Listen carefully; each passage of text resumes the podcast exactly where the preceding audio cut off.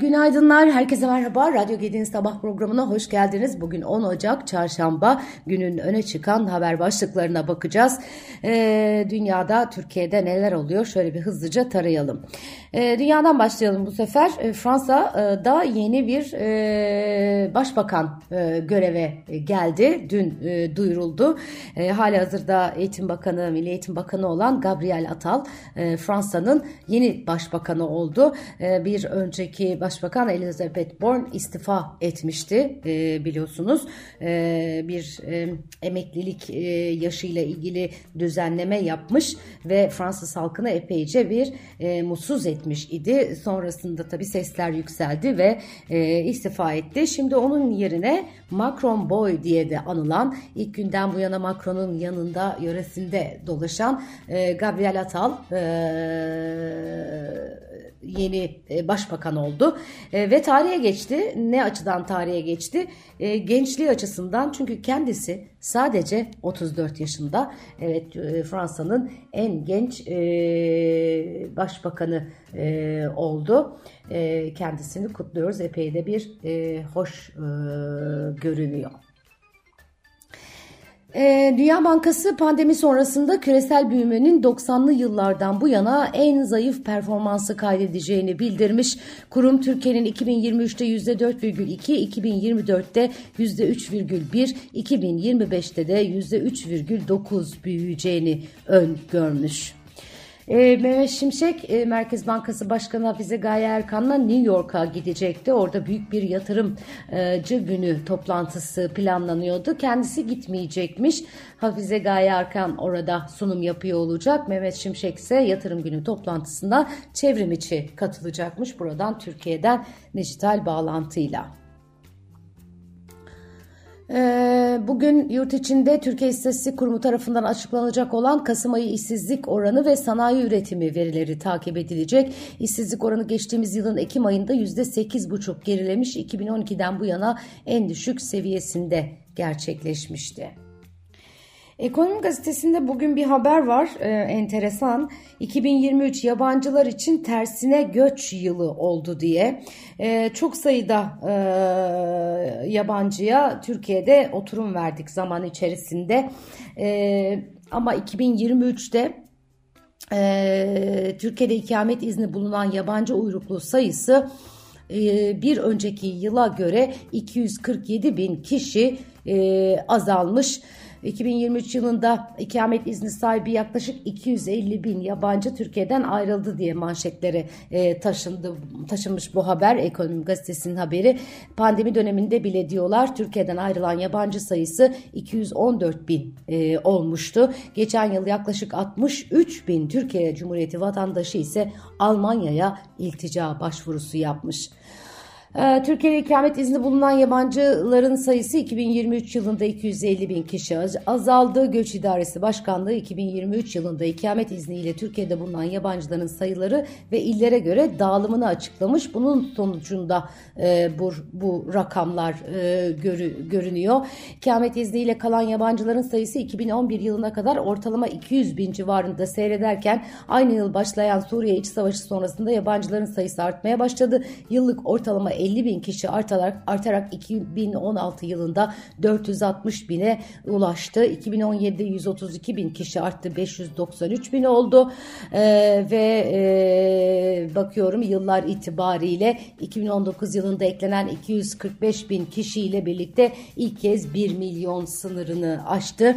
2020 yılında üniversitelerin kapanması, işyerlerin uzaktan çalışmaya geçilmesiyle birlikte ülkesine dönenler arttı. Bu dönemde yabancı sayısı 214 bin kişi azalarak yeniden 1 milyonun altına indi. E, şimdi e, 2021 yılında önce bakalım Türkiye tarihinde en fazla sayıda ikamet izninin verildiği dönem olmuş. 427.528 kişinin eklenmesiyle 2021'de yeniden 1 milyonu e, aşmış ikamet izinli yabancı sayısı 1 milyon 314 bine çıkmış. 2022'de 40 bin yeni izin gelmiş 1 milyon milyon 354 bine ulaşmış. Şimdi hala 1 milyonun üzerinde. Tabii bunlar kayıtlı kuyutlu rakamlar. Ee, çok daha fazlası olabilir. Ee, olsa da 2023'te epeyce bir ayrılan olmuş. Hatta pandemi döneminden bile daha fazla. Enteresan istatistikler bunlar. Ee, zaten aslında gündelik hayatta yaşıyoruz bunu. Ee, ama rakamlarda teyit etmiş durumda. Evet, ee, sevgili Alaaddin Aktaş bugün Ekonomi Gazetesi'nde güzel bir e, haber kaleme almış, güzel bir yazı, makale kaleme almış.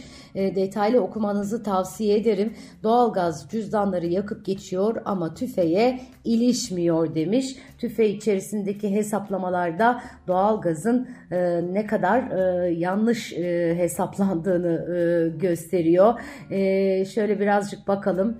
Diyor ki e, alışkanlığımızdır çoğumuz faturaları saklarız. Hadi hep birlikte Ekim ve Kasım aylarında doğalgaz için ne ödediğimize bakalım. Faturaları tutmuyor musunuz? Öyleyse muhtemelen bankalarda otomatik ödeme talimatınız vardır. Hesaplarınızı kontrol edin. Sonuç hemen hemen hiçbirimiz Ekim ve Kasım ayında doğalgaza ödeme yapmamışız değil mi? Merkezi sistemle ısınanların her ay ödeme yaptığını biliyorum. O farklı bir hesaplama ama komik, kom, kombi kullanan neredeyse hiç kimse Ekim ve Kasım aylarında ödeme yapmadı. Çünkü aylık 25 metreküp kullanıp bedavaydı. Aylık kullanım 25 metreküpü aşmadığı için de neredeyse kimseye fatura gelmedi. İstisnalar olabilir. Peki Aralık ayında ne ödediniz? Evin büyüklüğüne, bulunduğu kata, izolasyon durumuna göre çok muhtemel ki 1000 lirayla 2000 lira arasında belki daha fazla aylık ödeme yapıldı. Şimdi faturalar bir kenarda dursun. Ekim, Kasım ve Aralık aylarının TÜİK tarafından açıklanan enflasyon oranına ve bu oranlara doğalgaz faturalarının ne kadar etki ettiğine bakalım. TÜİK'in doğalgazla ilgili hesaplaması tam doluya koysan almıyor, boşa koysan dolmuyor türü bir hesaplama. Bir kere bu hesaplamada mantık aramamak gerekiyor. E, TÜİK'in verilerinden aktaralım. Doğalgazın metreküp fiyatı Türkiye ortalamasındaki kullanıma bağlı olarak TÜFE'de Ekim ayı için 0,67 e, 68 e, lira, Kasım için 3 lira 93 e, kuruş, Aralık ayı için de 4 lira 92 kuruş e, lira e, düzeyinde e, dikkate alınmış. Ekim'de doğalgaz parası ödediniz mi? Hayır. Ya Kasım'da? Hayır. Peki Aralık'ta? Hem de nasıl? Gelelim doğalgazın bu aylarda tüfeğe ne kadar etki ettiğine. Bu verilerin kaynağı da Merkez Bankası. TÜFE'de Ekim'de kaydedilen %3,43 artışın 0,22 puanı doğalgazdan kaynaklanmış. E sizin ödemeniz 0. Kasım'daki %3,28 artışın 1,01 puanı doğalgazdan kaynaklanmış. Sizin ödemeniz yine 0. Aralıkta %2,93 artışın ise 0,29 puanı doğalgazdan kaynaklanmış. Sizin ödemeniz muhtemelen 1000 lirayla 2000 lira arasında. Bu hesaplamada mantık yok derken haksız mıyım?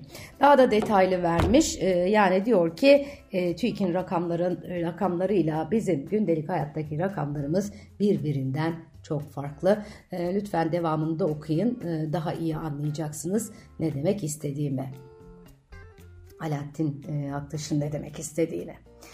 Evet geçen yılın enflasyon rakamıyla beraber memur ve işçi emeklisinin maaş artış oranı da belli oldu. Memur ve işçi emeklisi arasındaki zam farkının giderilmesine yönelik çalışma devam ediyor.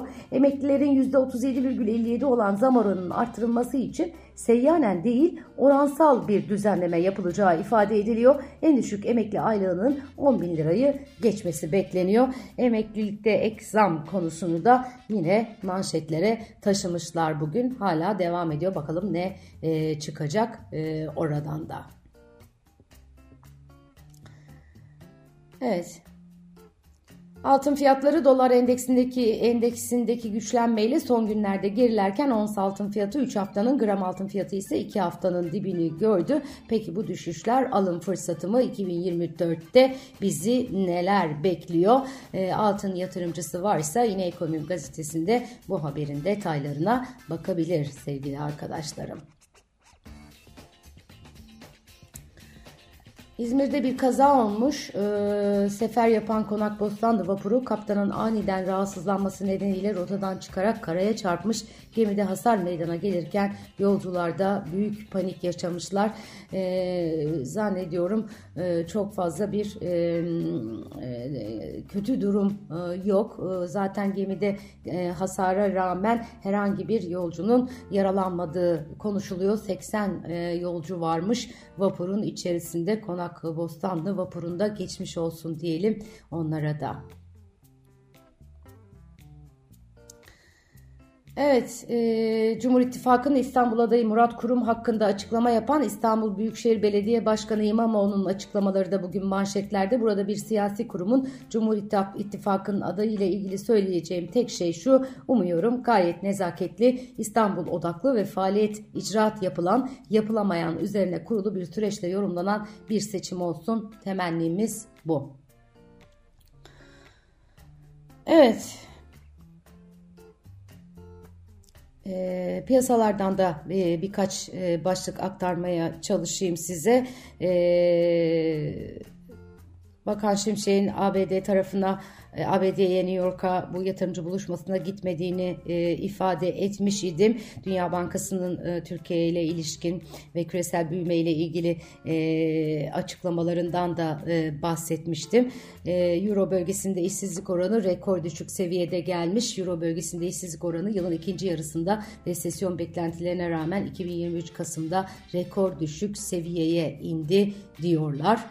E, tabii 2024 daha belirleyici olacak bütün bu rakamlar için e, baktığınızda. Evet dün borsada %2,5'a yaklaşan bir prim vardı. Ee, önce bankalarla başladı yükseliş ve devam etti. Ee, dün de yine e, pozitif bir gün e, yaşandı Borsa İstanbul tarafında. Evet son olarak hava durumuna bakalım. Ee, bazı okullara yurt genelinde kar tatili e, verildi e, yoğun kar yağışı yaşanan illerde okullar tatil ediliyor deniyor. Edirne'de mesela yoğun kar yağışı var. E, Tekirdağ bazı ilçelerinde okullar ta, e, tatil edilmiş. Çanakkale e, de olumsuz hava koşulları nedeniyle il merkezi Biga, Ezine, Bayramiç, Yenice, Çan, Eceabat e, ilçelerindeki tüm resmi ve özel eğitim kurumları ile Çanakkale 18 Mart Üniversitesi'nde eğitime bir gün ara verildi e, deniliyor. E, batı kesiminde özellikle e, havalar e, çok soğuk ve kar yağışı e, devam ediyor. E, İstanbul'da da dün epeyce yağmurlu, e, soğuk bir gün geçirdik. Bugün e, nispeten biraz daha e, iyi bir gün olabilir ama soğuk hava dalgası devam edecek gibi görünüyor. Evet bugünün notları özetle böyle. Güzel bir gün diliyorum herkese. Kendinize çok iyi bakın. Yarın sabah görüşmek üzere. Hoşçakalın.